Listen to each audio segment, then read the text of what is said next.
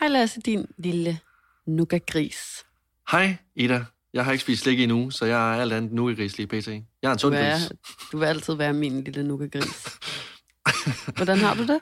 Jeg har det godt. Som sagt, jeg har ikke spist sukker endnu, og øh, jeg føler mig som Chris McDonald. Jeg er healthy, og okay, jeg har til gengæld lige spist en pastaret med rigtig meget fløde til morgenmad i dag. Men altså, jeg har ikke spist sukker. Så Og det, det, godt. er jo også, altså hvis det er dit mål, så tillykke i hvert fald med det. Tak skal du have. Det er jeg glad for. Jeg øh, vil gerne lige fortælle dig om noget, jeg overvejede den anden dag. Faktisk øh, noget, jeg overvejede, som ligesom gjorde, at min adrenalin øh, kom... Faktisk bare i det hele taget, jeg fik adrenalin i kroppen. Det kan jeg ikke huske, hvornår jeg sidst har haft. jeg skulle jeg til, skulle til at sige, hold op, det er lang tid siden. Øhm, mig og Simon, vi øh, skulle til at sove. Jeg står ude på badeværelset, øh, børster mine tænder, og Simon har lagt sig ind under dynen. Og lige pludselig skal jeg bare høre øh, noget, der lyder som Berlinmurens fald tilbage i 89. Ej. Altså et brag, der simpelthen runger hele gaden op, ikke? Mm. Og øh, jeg kommer løbende, og Simon kommer ud af sengen, og alarmerne begynder at bimle og bamle ned på gaden. Og så øh, står vi bare, vi har sådan nogle meget høje, store vinduer i den lejlighed, vi bor i, som vi kan åbne, så vi nærmest er på gaden, føler jeg, ikke? Og så stængler vi der ud af vinduet og kigger ned, og hvad fanden foregår der og sådan noget. Og lige pludselig så kommer der sådan tre drenge løbende ud af en butik med koben og Ej. rygsække på, og masker og elefanthuer og alt muligt, ikke? Og jeg holder bare min iPhone ned i snotten på de der, sådan, og filmer og filmer og filmer, og Simon filmer, og du ved sådan, vi vil have mere, vi vil stjæle nogle flere ting, smadre nogle flere ting, så vi kan øh, blive ved med at opleve, hvad der er, der sker lige nu. Fordi hold da op, hvor er det længe siden, vi har levet sådan her, ja. føler jeg næsten. Øhm, selvfølgelig håbede jeg ikke, at de ville smadre flere ting. Men, Mere, men mere! ja, ja, det var lidt sådan, jeg kommer ned og hjælper jer. Nu skal vi, ej. Men, men i hvert fald, så, så går der så lidt, og, øh, og, og vi kan slet ikke forstå, hvad, hvad fanden der, er, der foregår. Og, og, og jeg går fra og synes, at det er fedt, og det er godt content til min Instagram, til at jeg bliver frustreret, fordi at det ligger lige under vores soveværelse, og nu kan jeg ikke sove, fordi den der alarm, den bare... altså, jeg føler, jeg er på bakken en sommerdag, ikke? Ja. Og så kommer politiet så, og, øh, og, og så bliver der så slukket for den der alarm og sådan noget, ikke? Men det, det var godt nok vildt, altså. Det var en, det var en sindssyg oplevelse at få lov til at overvære det. Sådan en ægte røveri. Jamen, jeg jeg fik synes- endda kaldt det for et knæk på min Instagram, så jeg følte mig sådan ret, Et- ret fed. Så er der nogen, der har lavet knæk. Hvad gik... Altså, du har videoen på din telefon. Jeg ved faktisk ikke, om jeg gemte dem, men jeg havde, jeg havde dem i hvert fald der, for jeg lagde det ud. Men Men altså, altså, man kunne I... ikke se de der drenge. Jo. Nå, nej, men I gik, altså, I gik ned til politiet, nu når I har set det hele. Altså, jeg vil være ærlig at sige, at øh, altså, Simon, han overvejede det der. Han stod ja. der stolt med sin, med sin film, og var sådan, nu skal vi ned til politiet og sige, at vi har filmet de her drenge. Og så sagde jeg, det skal vi selvfølgelig ikke. Hvorfor altså, ikke? Fordi, ej, fordi det var nogle drenge, som jeg skyder til at have været måske øh, 14-13 år, og, og de har kedet sig, og, og, og du ved sådan, og det, det, det, det retfærdiggør selvfølgelig ikke, at man laver et indbrud. Det vil jeg gerne øh, lægge mig fladt ned og sige. Men, men jeg skal ikke være skyld i, at der er nogle unge drenge, der får en plet på deres straffeattest, og for resten af deres liv udlagt, og kommer til at lave flere af den slags knæk. Forstår Nej. du, hvad jeg mener? Nej, ja, det er sådan, jeg, jeg føler, man kunne sådan opildne dem til at komme ind i en dårlig cirkel, og jeg, jeg vil bare ikke sådan noget, kan jeg ikke have på min samvittighed. Altså, Nej, de har men jeg kan stjålet en, en, en enkelt telefon eller sådan noget, tror jeg. Det var ikke... Hvis de havde gjort noget over for mennesker, forstår du, mener? Hvis jeg havde set dem stå og tæske nogen med det der koben, eller råbe efter nogen, eller et eller andet, så var jeg øh, skrevet til handling. Men det der, det kan jeg ikke. Altså. Nej, men jeg, kan- jeg kan også godt se, at du ser lidt mere, mere langsigtet på det, hvor jeg sådan, måske er lidt mere sådan lidt kold og kynisk. Men jeg tror også, fordi at jeg har det sådan her, det er fordi, at, øh, at øh, dengang jeg boede hjemme med mine forældre, og jeg var 12-13 år gammel, der havde, der havde vi indbrud. Og det havde vi, mens at, øh, vi var på sommerferie på Rodos. Og midt i al øh, all-inclusive og solcreme, så får vi et opkald af politiet. Og øh, de siger simpelthen, at der har været indbrud. Og det skal lige siges, at vi skal være på Rodos i 14 dage, og det er anden dagen, de ringer. Hele den ferie, den var fuldstændig ødelagt. Altså, den var fuldstændig ødelagt. Og øh, vi kommer hjem, og alle smykker og uger, alt er stjålet. Det lyder nærmest som om, vi er sådan en guldsmed derhjemme. Men, øh, men, øh, men altså, alt er De fleste, stjålet. har, de fleste har et par smykker og et ur. Det har jeg ikke, man men jeg... I hvert fald ikke længere. Ikke, nej, ikke. Men udover det, så kommer jeg ind på mit værelse, og det er fuldstændig smadret. Det er ruineret. Altså, sengen er kastet over i væggen, og alt mit tøj er revet ud, og altså, det er smadret. Og udover det, så stjal de også min uh, Chef Records trøje og en FCK-task. Så jeg blev sådan lidt... Ved du hvad? Ved du hvad? Man skal ikke stjæle. Så ved man altså også, hvad det er for en type mennesker, der har været og stjæle. Det har været drenge på din egen alder, hvis de har taget en fucking sur Chef Records t-shirt med og en FCK-task. Ja. Men, men, men det kan jeg sagtens forstå, Lasse. Og der må jeg også igen sige, jeg føler, der er forskel på... Det ved jeg ikke. Jeg skal ikke gøre mig til sådan... Jeg kan ikke dømme noget som helst. Men, men, men du ved, lige der, der vurderede jeg bare, at jeg vil ikke have, have det der på samvittigheden. Jeg vil, det var sådan en lille, øh, nærmest tom internetbutik, de røvede, hvor jeg ved, der har stået to telefoner i vinduet, og det var det. Altså, der, du ved... Nej, men jeg kan godt forstå det. Er det, langt, altså. det er langt øh, mere grænseoverskridende, det der med at bryde ind i andre menneskers hjem. Og så Ja. et er, at man stjæler. Noget andet er da, at man begynder at kaste rundt med, med, med møblerne og, og, og sprætte ting op med knive ja. og, og smadre og, og sådan noget. Det er fuldstændig sygt i hovedet, altså. Ja. Og Ja, det der var ville jeg også til. have meldt det, kan jeg fortælle dig, hvis jeg havde noget. Har du egentlig nogensinde øh, altså sådan selv været i kambolage med politiet, eller stjålet noget, eller sådan? Altså, jeg har ikke været i kambolage med politiet, og, og nu kan jeg godt se, se det i bagspejlet. Alt, alt det, jeg lige har sagt til dig, det falder fuldstændig til jorden. Du har også lavet hjemmerøveri. Nej, ja, ja, nej, dog ikke. Det er ikke, fordi jeg har koglen til at ligge over i øh, hjørnet herovre. Men øh, jeg har haft et, øh, jeg, øh, jeg arbejdede i et, øh, i et supermarked øh, en gang. Det gjorde jeg faktisk fra da jeg var 15 til, til 20 år gammel. Mit arbejde, det var inde i kølerummet, hvor jeg stod sammen med alle de lækre mejeriprodukter, mælkesnitter, yoghurter, mælk, og der var også pålæg. Øhm, og øh, altså... Der, Du var det jo- ansat til at stå inde i kølerummet. Ja, ja, og så bare sætte varer på plads derindfra, ikke? Øhm, og altså, det er jo ikke nogen overraskelse. Løn i et supermarked er elendig, når du er 15 år. Altså, den er røvdårlig. Jeg ved godt, at, at det er de få steder, man ikke tjener, øh, eller, eller man tjener godt, men den er røvdårlig. Og det var jeg, altså, det var jeg sur over. Jeg, jeg synes, det var uretfærdigt. Og på samme tid, øh, så skulle jeg altid på arbejde efter skole, så jeg var sygt sulten, når jeg så kom op, øh, op på arbejde der. Så ikke frokost i skolen. Ej, ikke, altså ikke, det er jo ikke, det er jo ikke noget, der kan mætte. Altså en, en vestjysk dreng på 15, der er i voksealderen, Nej. der simpelthen... Okay. Udover at jeg er underbetalt, så arbejder jeg altså efter skole, og øhm, det gjorde så, at når jeg kom ind i mælkerummet, så fyldte jeg mine lommer. Mælkesnitter, yoghurt, salami sticks, alt muligt lækkert. Og så satte jeg mig ud på toilettet, og så sad jeg ellers bare der i 30 minutter og holdt buffet. Jeg tror mig. fandme aldrig, at du har vundet månedens medarbejder i hvert fald, hvis du har siddet derude på det toilet så længe. Det har jeg heller ikke. Det har jeg heller ikke. Også, også fordi at alt det mad, det resulterede i, at jeg skulle, meget, altså, jeg skulle mere på toilet jo. Så Ja. øh, min Og du i forvejen er en menneske, der går meget på toilet, ved vi. Ja, ja. Syv gange om dagen. Okay. Ja, så det er fuldstændig vanvittigt, altså. Ja, Fuldstændig. Nå. ja, men altså nu, øh, og jeg kan også godt se, se at øh, det måske går ud over min øh, fremtidige ansættelser, at øh, chefen nok lige vil kigge en ekstra gang på mig. Så øh, det er selvfølgelig en noget? situation. Ja. Altså for det første, så tror jeg ikke, at der er en ung arbejder i det her land, der ikke har øh, stjålet madvarer i det supermarked, de har været ansat i. Slet ikke, altså du ved sådan, et er selvfølgelig det der med at stjæle tingene og tage dem med hjem. Men når man er på arbejdet, så tror jeg ikke, der findes en, der ikke har været ansat i et supermarked, der ikke har spist en salamistik. Det må jeg bare sige. og jeg tænker også, så længe det ikke er penge, altså. Jamen, altså, det er selvfølgelig penge, det er jo omsætning, man spiser, man spiser, og er omsætningen, kan man sige, ikke? Og det er jo også lidt et problem, og det skal man selvfølgelig ikke. Men altså, jeg kan fortælle dig, at 86 procent af danskerne har prøvet at stjæle fra deres arbejdsplads. Og der er Så kan det godt være, at 86. det er en, det er en salamistik, eller en kuglepind, men teori er teori.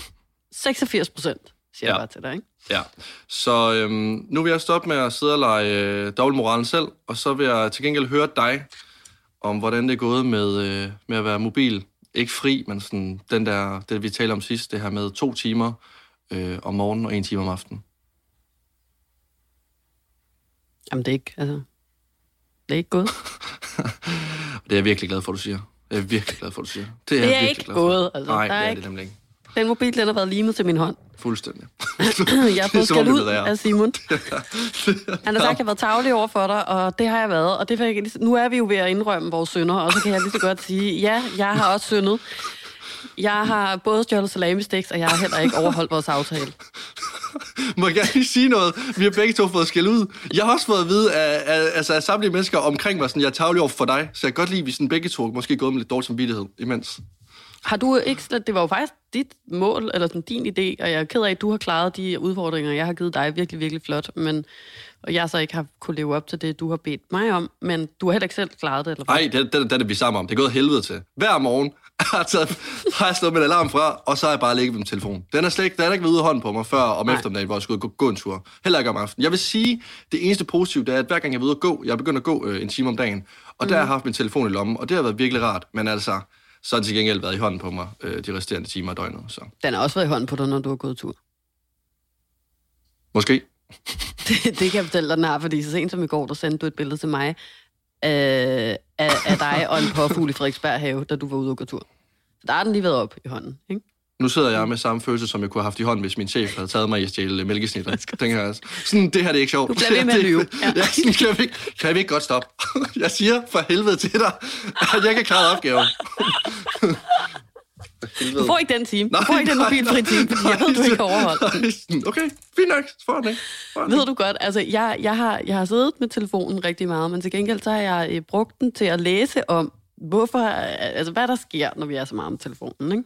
Jo, Og blandt andet, så har jeg fundet ud af, at man faktisk har observeret, at unge, der er vokset op med media multitasking, har mindre af det, der hedder grå substans i hjernen, som altså, øhm, altså sådan de samme hjernedynamikker, som gør sig gældende hos folk, som har OCD, angst eller depression. Det er jo lidt nøjeren. Altså, det er jo nærmest en hel generation, der er vokset op med media multitasking, som så har mindre af det her grå substans, ikke? ja.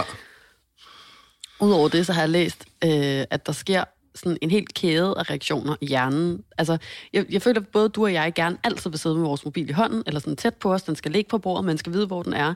Også hvis man beslutter sig for, at nu skal jeg se fjernsyn uden min telefon, så skal man lige, lige hele tiden vide, hvor den ligger i sofaen. Ja. Og hvis ikke, så kommer der lidt hjertebanken, ikke? Jo. Sådan, øh, hvor er den? Hvor er Jo, den henne? jo, jo. Og, og det er fordi, telefonen den giver en tilfredsstillelse. Hvis der kommer et lille like eller andet, der har sådan med os at gøre, hvilket det meste jo har på ens egen telefon, så får man en belønning i hjernen, fordi man bliver set, eller man bliver tænkt på, og ligesom bare bliver bekræftet i, at hele universet drejer sig om en selv. Og når vi så ligesom sådan bliver afhængige af noget, så er det fordi, at der er den her belønning, som ofte indtræder hurtigt, og vores hjerne lærer nemlig hver gang, at belønningscentret frigiver dopamin, som jo er det, vi alle sammen er afhængige af, og som også er det, du får, når du spiser din pasta ret til morgenmad, og du bliver rigtig glad, imens du spiser den. Hold Kæft, jeg er afhængig af dopamin, mand. Ja, men det tror jeg, vi alle er. Og, og, og, det, er det sådan, og hjernen ved ikke, og det er det, der er sådan lidt nøjeren, om kilden til dopaminen er god eller dårlig. Altså, din hjerne ved ikke, om du får dopamin, fordi du får et kram af en, du elsker, eller om du får dopamin, fordi der er en, der fucking har liket et røvsygt billede på Instagram. Altså, den får bare dopamin, og så tænker den, mm, dopamin, det her, det er skønt.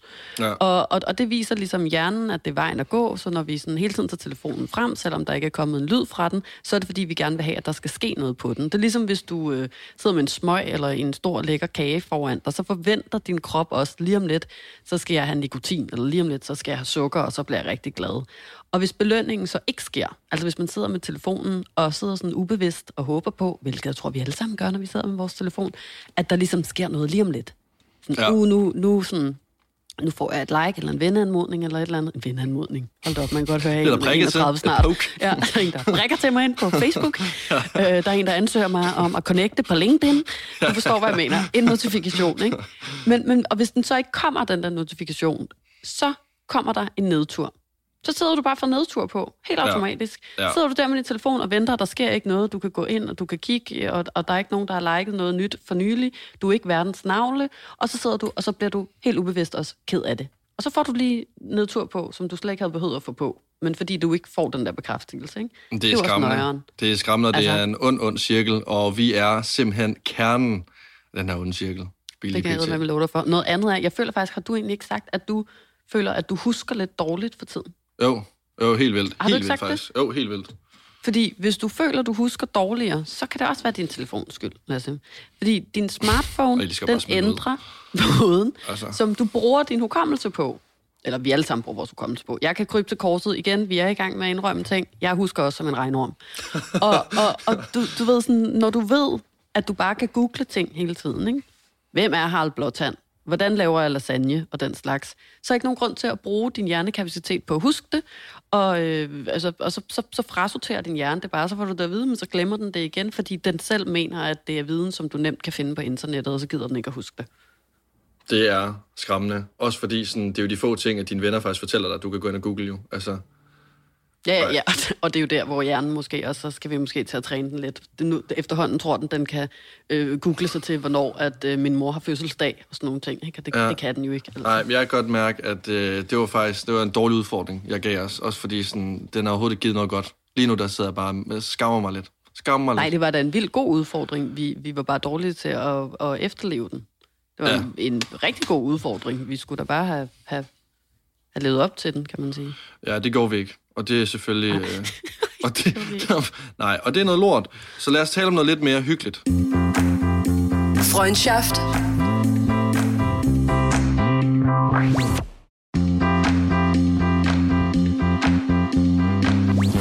Det var, at der var kampdag i går, Ida. Kvindernes internationale kampdag. Mm. Ja. Fejrede du den? Altså fejre og fejre, ikke? Altså, jeg sidder jo stadig her isoleret øh, i, i en lejlighed i Hamburg med, med min, med min øh, kæreste. Med min ja. mandesvin og en kæreste. Ja, ja. øhm, hvide mandesvin. men, men, men jeg synes faktisk, det er ret interessant, fordi sådan, jeg har brugt i år og, og, og tiden op til kvindernes øh, kampdag i år til at tænke øh, lidt øh, bredere ud, end jeg plejer på en eller anden måde. Sådan, I mange år har jeg følt, at feminismen var enormt spændende, er vokset op med både en mor og en mormor, som har været enormt aktiv på den front, og uden på nogen måder overhovedet at skulle negligere de missioner, de ligesom har været på, så føler jeg nogle gange, at det måske var lidt lettere dengang. Altså sådan, at, at feminismen i hvert fald ikke var lige så kompleks, som den er i dag, hvis det giver mening. Alle havde på en eller anden måde sådan et fællesmål, og man kunne kaste blod på en ambassade og smide på hånden på en ølejr, og så var alle ligesom enige om, at det her var the way to go. Og øhm, da ideen om kampdagen for, øh, for kvinder blev fremsat af en kvinde, der hedder Clara Zetkin tilbage i 1910, så var den primære fælleskamp ligesom, at øh, kvinder skulle have valgret, og det fik de fem år senere, og alle fejrede ligesom i forlæng. Ikke? Jo. Og jeg tror sådan, i, i mine voksne år, der har, jeg, der har jeg været sådan meget utryg og, og næsten sådan æresfrygtig, når det kommer til at tage titlen, altså claim den selv og kalde mig for feminist. Øh, jeg har altid sådan beundret de her meget sådan fremtrædende og modige kvinder, der har stået frem og, og har kæmpet, og har samtidig måske også bare følt, at den feministiske kamp øh, har været sådan for elitær til mig på en eller anden måde. At jeg nogle gange har følt, at jeg ikke har været god nok eller klog nok til at forstå, hvordan man kæmper rigtigt. 100, det forstår jeg vildt godt. Og, og udover det, så har jeg senere hen udviklet sådan en form for berøringsangst ved begrebet i frygt for at være, ja, altså den her sådan forkerte slags feminist, eller måske komme til at træde på nogen i kampen for min egen retfærdighed. Og, og det er egentlig også med rette. Fordi jeg føler ikke, at, at feminismen længere er en ideologi, som sådan fremhæver kvinders samfundsmæssige og individuelle betydning, og som øh, kæmper for kvinders rettigheder og, og kønnes ligestilling kun i hvert fald. Det er som om, at den er blevet bredt ud, og faktisk så har øh, det, der hedder den intersektionelle, det er så svært for mig at udtale det der ord, feminisme virkelig givet sådan mening for mig på en måde, hvor at jeg øh, på trods af begrebets kompleksitet, føler, at det måske er sådan mere mig, Øh, og jeg, jeg er stadigvæk kun sådan i min sådan oplæringsfase og sådan noget, men, men, men jeg er sådan, jeg synes bare, det, det, det er meget sådan smukt og og jeg læste nogle rigtig fine ting inde på noget, der hedder Minoviews, som er sådan et øh, medie for minoritets etniske danskere, ikke? Og øh, der er en pige, en rigtig ung pige faktisk, som hedder Nadine, som har øh, skrevet noget, hvor hun forklarer begrebet ret godt. Og jeg ved ikke, om du ved, hvad det betyder egentlig, at være intersektionel feminist. Nej, nej, nej, overhovedet ikke. Nej, det er jeg ret glad for, at du siger, fordi ellers havde det jo næsten været irrelevant, alt det, jeg har fundet.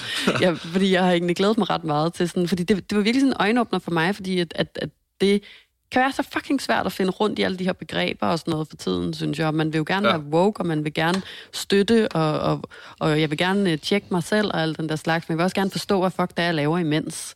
Og hun har bare forklaret det på sådan en virkelig fin måde, hvor hun siger, at intersex ej, jeg kan fucking ikke sige det, altså. Det er det nummer et, jeg skal lære.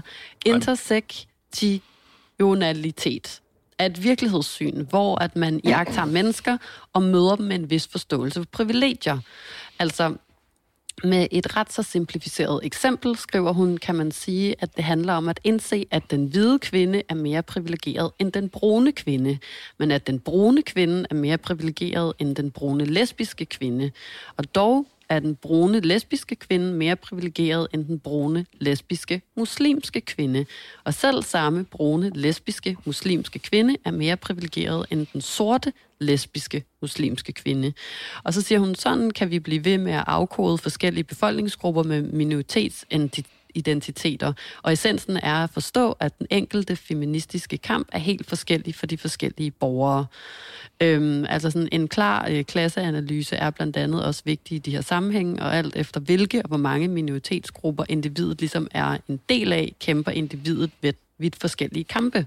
Det kan godt være, at, at jeg er under den hvide mand, men, men jeg er stadig over alt det her, der lige blev ramset op her mm. i mine privilegier på en eller anden måde. Ikke? Altså, jeg synes, ja. det er sådan helt vildt interessant. Og øhm, nu du spurgt, så er det sådan, jeg har brugt min, min, min kampdag, altså på at, at prøve at læse om de her ting, og sådan at, at blive ja. klogere. Hvordan har du fejret?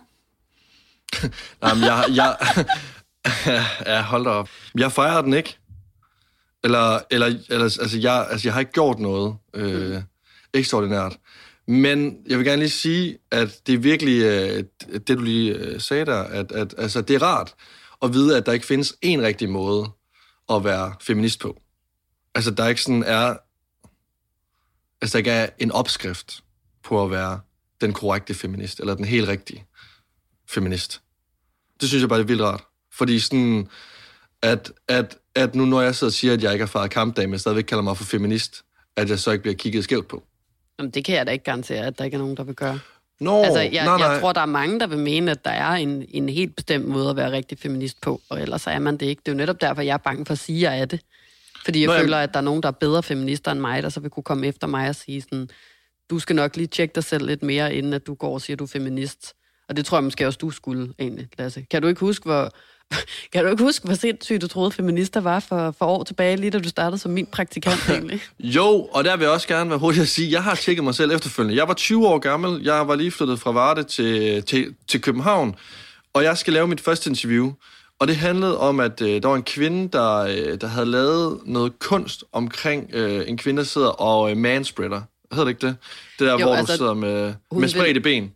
Ja. Altså hun vil... Altså, altså, havde hun vil lavet stole, på... hvor man udelukkende kunne sidde med spredte ben i stolene for at sætte fokus på, på kvinden i det offentlige rum, hvor at vi tit sidder sådan med benene over kors og gør os mindre, og mænd tit sidder i metroen med spredte ben og Ja. spiser McDonald's. Ja, lige præcis. Og altså, jeg laver det her interview, og øh, jeg kan huske lige så tydeligt, jeg kommer glad ud, det var et godt interview, overrasker over mig selv, og så kigger jeg på dig, og så siger jeg, Ida, hun var feminist, hun var slet ikke engang syg i hovedet. og øhm, altså, du har været vred på mig sidenhen, men, men, men, men, men du har ikke kigget på mig øh, på den måde, som du gjorde den dag. Altså, det var... Ja, du kunne have slået mig ihjel med øjnene, men også bare mere sådan lidt... Altså, det var også mere så et blik sådan lidt... Ej, seriøst, mand. Du er... Altså, hvad fanden sker der? Har du overhovedet sat dig ind i tingene? Og det med at sætte sig ind i tingene, det er fuldstændig rigtigt. Det havde jeg nemlig ikke. For jeg vidste jo knap nok, hvad ordet feminisme betød. Og jeg havde fået en eller anden overbevisning om, at feminister, det var sure, vrede, hysteriske kvinder, som øh, hele tiden skulle demonstrere og ud og råbe op over småting. Og den mening, den har jeg jo fået ud fra overskrifter fra medierne og Facebook. Og der kan vi alle sammen godt høre nu, at øh, det er en rigtig situation, fordi at øh, Facebook, det er et mekka for Bjarne og Karen, og medierne, de skal tjene penge. Men jeg tror bare stadigvæk, det ærgerlige er så, at jeg tror stadigvæk, der er rigtig mange mennesker, som, som ser på feminister, som jeg gjorde dengang, fordi at de ikke sætter sig ind i tingene. Og det virker så, øhm, det virker så ukendt, og så nyt, og så anderledes. Og de bliver, provo- altså, de bliver provokeret af det, fordi de ikke, rigtig, øh, de ikke rigtig ved noget om det. Og hvis de sætter sig ind i tingene, så håber jeg da, at de selv også bliver feminister, fordi at det handler jo bare om, at vi alle sammen skal være lige sidste ende jo. Og jeg håber da, at de fleste går ind for, at vi alle sammen skal være lige. Øhm, men altså, når det så er sagt, så er jeg jo blevet, altså, jeg er jo feminist den dag i dag. Men, Se, øh, du men, tør, ej, det, jeg kan godt lide, skal, men, du, siger, men- du kalder dig feminist, og jeg ved ikke engang, om jeg tør at gøre det. Nej, og det vil jeg også gerne sige, fordi at jeg kan også godt være bange for at sige det højt. Og det er fordi, jeg altid frygter, ligesom du siger, at der kommer en anden feminist, og så vil spørge, eller sige til mig, jamen, hvad gør du for, at du er feminist? Altså, hvorfor at du tror, du kan kalde for, for, jeg altså, om for nu, feminist? ja, det er jo det. Jamen præcis, ikke? Er det ikke lidt nemt for dig, som sidder, som sidder altså som en ung, privilegeret, heteroseksuel, ciskønt mand, og sige, jeg er feminist? Jamen, Men, hvad men, gør du da? Nej, fordi nu kommer det vigtige. Det er, at det kan godt være, at jeg er hvid, jeg er ung, jeg er privilegeret, jeg er heteroseksuel, og jeg er ciskønnet, men det ændrer ikke mit syn og min holdning på de ting, jeg mener. Og det gør, eller jeg synes i hvert fald, det gør, at jeg er feminist. Ja. Altså, jeg er jo enig i dig, med dig i, at du i hvert fald er villig til at lære, og jeg ved, at du kommer et godt sted fra, og at du ønsker de svage i samfundet det bedste. Og så er næste skridt jo at være en aktiv feminist, tror jeg. Ikke? At være sådan aktiv, begynde at, at sige fra på forskellige måder, eller dele ting. Men uanset hvad, Lasse, så vil jeg i hvert fald give dig virkelig meget ret i, at du har, du har virkelig udviklet dig. Jeg kan godt huske den dag, du kom ud og sagde det der med, at hun var feminist, og hun var ikke engang sindssyg, og jeg bare tænkte, hvad helvede er det der? For en amøbe af et menneske, der står foran mig, som er blevet min nye praktikant, fordi det der, det kan jeg slet ikke arbejde med. Altså, jeg var sådan, jeg føler, der er kommet en for oldtiden, der nu står her og slår sig selv på brystet på min redaktion, og lige om lidt skal kigges for den her arbejdsplads. Altså. Ja, men altså, det bunder jo i, at jeg ikke har sat mig ind i ting, når jeg er bare uvidende. Men det og... har været det smukke for dig altid, synes jeg, eller noget af det, som jeg beundrer dig mest for. Det er virkelig din viden, øh, eller din lyst til at, at, at lære, og din, øh, din øh, evne til at være sindssygt omstillingsparat. Fordi som du selv siger, så tror jeg netop, at meget had og, og meget skepsis kommer af, at folk ikke kan lide nye ting. Altså og forandringer og sådan noget. Jeg kan heller ikke lide forandringer egentlig. Jeg synes også, det er vildt svært at skulle tjekke mig selv for øh, racisme og privilegier og alt den der slags hele tiden, og meget ubehageligt og sådan noget. Men, men det er også vildt øh, overvældende, når man udvikler sig som menneske, og lige pludselig kan forstå ting i en større sammenhæng, og se ting i en kontekst og den slags. Det kræver bare energi, og så kræver det netop, at, at man er øh, dygtig til at omstille sig, hvilket jeg virkelig synes, at du er. Altså, og, og altid har været, og god til at tage imod kritik. Det er jeg jo også fucking dårlig til, men det er du rigtig god til. Altså, du kan godt tage imod kritik og tage det til dig, og tænke over det og arbejde med det, og, og den slags. Og derfor har du også Altså, du har virkelig udviklet dig meget, synes jeg, i den tid, jeg har kendt dig. Nu får du lige sådan en lille... Det, det er ikke så tit, de siger så mange søde ting. Men hver gang vi snakker for lige tiden. Lidt, lige om lidt, så, kommer, så er der bare stille, og så kan du, så min mund vil begynde at vibrere ham lidt. så skal du til at græde lidt. Nå, ja, men, ej, men, men det er, dejligt, der er jo også men... mandekampdage, for eksempel.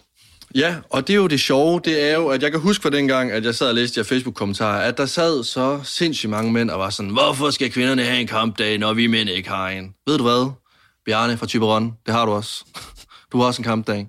Og nu er det kraftet mig også bare på tide på, at du øh, begynder at tage den kampdag til dig, og så kæmpe lidt. Hvis du er så træt af, at kvinderne har en, og du ikke føler dig set. Den altså, 19. november. 19. november, ja. Og øhm, jeg har simpelthen valgt at skrive et brev nu. Et brev? En tale. Ikke et brev. En tale. En tale til mændenes, nu ved jeg godt, det var kvindes kampdag øh, i går, men jeg har valgt at skrive øh, en tale til mændenes kampdag. Så du, du vil jo måske være øh, aktivist på mændenes kampdag også? Hvilket ja, der virkelig fald... er behov for. Altså, det er fandme heller ikke nemt at være mand i 2021, vil jeg sige. Det er det ikke. Og det bliver øhm, underkendt. 100 procent. 100 procent. Jeg vil i hvert fald øh, bede den tale her gøre, sådan der kommer måske noget mere forståelse over for nogle flere ting. Er det, altså, er det en tale, du vil læse for mig? Nu? Ja, og hvis du er i København den 19. november 2021, så kan du møde mig på Storkespringvandet, så jeg står op på en skammel, og skal du høre den tale her igen. Nej, jeg kommer så og støtter. Det gør jeg. Det er jeg glad for. Det er jeg glad for. Men ja, vil du, øh, vil du høre den? Altså, ja. jeg har skrevet den nu. Okay. Det, øh... altså nu? Lige nu. Okay. Okay. Ej, hvor spændende. Kære mand, for et par år tilbage... Hold da op. Kære mand, for et par år... Ej, for helvede. Kære mand, for et par år tilbage blev jeg for første gang kaldt for en mand i det offentlige rum. Kære mand, for et par år tilbage blev jeg kaldt for første gang... Øh, blev jeg for... Ida, for helvede! Altså, jeg skal en tale. Jeg er stille nu. Jeg, jeg er stille nu. Det er... Tak. Selvfølgelig. Kære mand, for et par år tilbage blev jeg for første gang kaldt for en mand i det offentlige rum. At jeg blev kaldt for en mand i stedet for en dreng, gav mig en følelse af seriøsitet, og at jeg ikke blev set som en uansvarlig person, men som et seriøst menneske, som skulle tage ansvar for mine handlinger. På samme tid synes jeg også, at ordet mand fik mig til at virke sur, stille og negativ, hvor jeg altid synes, at ordet dreng lyder mundret, frisk og positiv, med en masse energi og tro på tingene. Og hvorfor er det, jeg synes det? Det spørgsmål har jeg stillet mig selv. Statistikker viser, at mange mænd ikke går til læge, når de er syge. De taler ikke om deres usikkerheder, og ofte tilsidesætter de deres egen behov for at leve op til de hårde krav, der stilles til den konkurrencedygtige mand. Hvis man hele tiden får at vide, at mænd er dominerende, selvsikre og stærke, så er der ikke plads til at vise andre sider af sig selv, og det kan virke nemmere at undertrykke ens usikkerhed. Men hvad er en rigtig mand overhovedet? Er det ham, som har kæmpe muskler, kan safte en kasse tuborg og score en masse damer? Er det ham, som sidder surt ved aftensmadsbordet, som ikke siger mere end to ord, og ikke har vist øh, nogen former for følelser de sidste 20 år? Eller er det ham, som siger, at salat kun er for kaniner og bøffer på under 500 gram af pålæg? Hvis vi kigger på de gamle kønsroller, så ja, det jeg lige har nævnt er beskrivelsen af en vaskeægte macho man. Så det er ikke helt uden grund, at jeg har siddet med de tidligere nævnte følelser i kroppen. Men nu lever vi i 2021, og det er ikke på tide, at vi er mere end store muskler med lukkede følelser, som flækker en dåsebar i pand på os selv og bunder den alt imens vi lytter til Bruce Springsteen, men begynder at vise, at der er flere måder, vi kan være mand på, øh, og vi får en anden opfattelse af selvsikkerhed og styrke. For hvad nytter det at kunne rive træ op af jorden og arbejde 70 timer om ugen, hvis du ikke kan kommunikere og være menneskelig? Det er på tide, at vi indser, at vi også kan være selvsikre i vores usikkerhed og åbenhed, og at være lyttende, forstående og følsom også kan være en tryghed og beskyttende over for sin nærmeste. Det vigtigste at huske, at der ikke kun findes én rigtig måde at være mand på, og at der ikke er nogen, som skal bestemme, hvordan du har tænkt dig at være mand på. Ligeså vel som du heller ikke skal bestemme, hvordan andre mænd skal være mand. Alle personer, som føler sig som en mand, er en mand. Mandekamp er også en kamp om ligestilling. Så næste gang du sidder ved tastaturet og skal til at skrive en sur Facebook-kommentar, fordi kvinderne holder kampdag, og du synes, de er bare en flok fornærmede, sure, menstruerende kvinder, som brokker sig og skal tage sig sammen, så bid dig selv i fingrene i stedet for, og vær stolt over, at de tør at stille sig op og tale om deres køn, øhm, og se det som en inspiration til, hvordan vi selv kan blive bedre til det. Ligestillingskampen er ikke en kamp mellem køn, men en kamp, alle køn har en interesse i at tage en del i. For de forestillinger, der knytter bestemte værdier... Er det det? jeg, er bare, jeg er bare meget tør i min mund, kan man. det var en klump i halsen. men det er, jamen, jeg føler power nu. Jeg skal lige det sidste med her. For de forestillinger, der knytter bestemte værdier og karakteristika til bestemte køn, gør skade på alle køn. Rigtig god kampdag, mand. wow. Wow, flot, Lasse. Den var god. Tak. Den var rigtig god. Tak skal du have. Tak skal du have. Så øhm, du kan møde mig på Storkespringvandet, eller et andet sted i København. Og øh, 19, 19. november. Der skal du stå og, og tale. Jeg kommer, og jeg støtter, og jeg tak, øhm, kan dele nogle flyers ud også. Det skulle ja. være eller noget for dig. med, det kan med, jeg, med, mig, med mig på. Med dig på, ja. Okay, igen. Se på mig. Jeg er altid privilegeret. Stop nu med hele tiden at sige det der, som om, at det er en sjov ting, fordi det er du jo bare. Nej, det er, nej, ikke det er det ikke. lave sjov med det hele tiden. Jo. Ah, nej, nej, nej, nej, nej. Altså forstår du mig? For så lyder ja. du næsten som en, der karikerer det på, som om, at det er sådan, jeg er bare videre privilegeret. Eller sådan. Det er du jo, det ej, er også. Ej, ja, ej, ja, det skal vi lige, ja. Så det må du lige stoppe med. Ja, det Men det var en vild god tale, Lasse, og, øh, og jeg øh, glæder mig til lige at catch op på snakken. Jeg, jeg vil høre, om det var okay med dig, hvis vi ikke tester noget i dag, når vi ligger på. Jeg, jeg har brug for en lille pause for det her med at teste. Altså. Jeg kan også mærke, at jeg er ikke, jeg er ikke klar til et nederlag med lige nu. Nej, så, så måske vi bare holder lidt fri på at tjekke, hvordan vi kan blive lykkelige under corona, og så, øh, og så, så til gengæld summer lidt mere over alle de her øh, kampdags ting, vi har talt om i dag. Jeg synes virkelig, du, du har også kommet med nogle gode pointer i den der tale, som jeg vil summe lidt videre over. Tak. Men nu vil jeg ligge. Jeg skal over ligge. Summe lidt mere. Hovedet summer lidt for meget. summe lidt, ja. Jeg skal også tisse faktisk, så jeg vil, jeg vil drømme på toilet, og så vil jeg lægge mig ind, og så vil jeg summe. Det ja. lyder som kæmpe dag. Vi, øh, vi tales ved i dig. Ja, ha' det, ha det godt, min nuka-gris.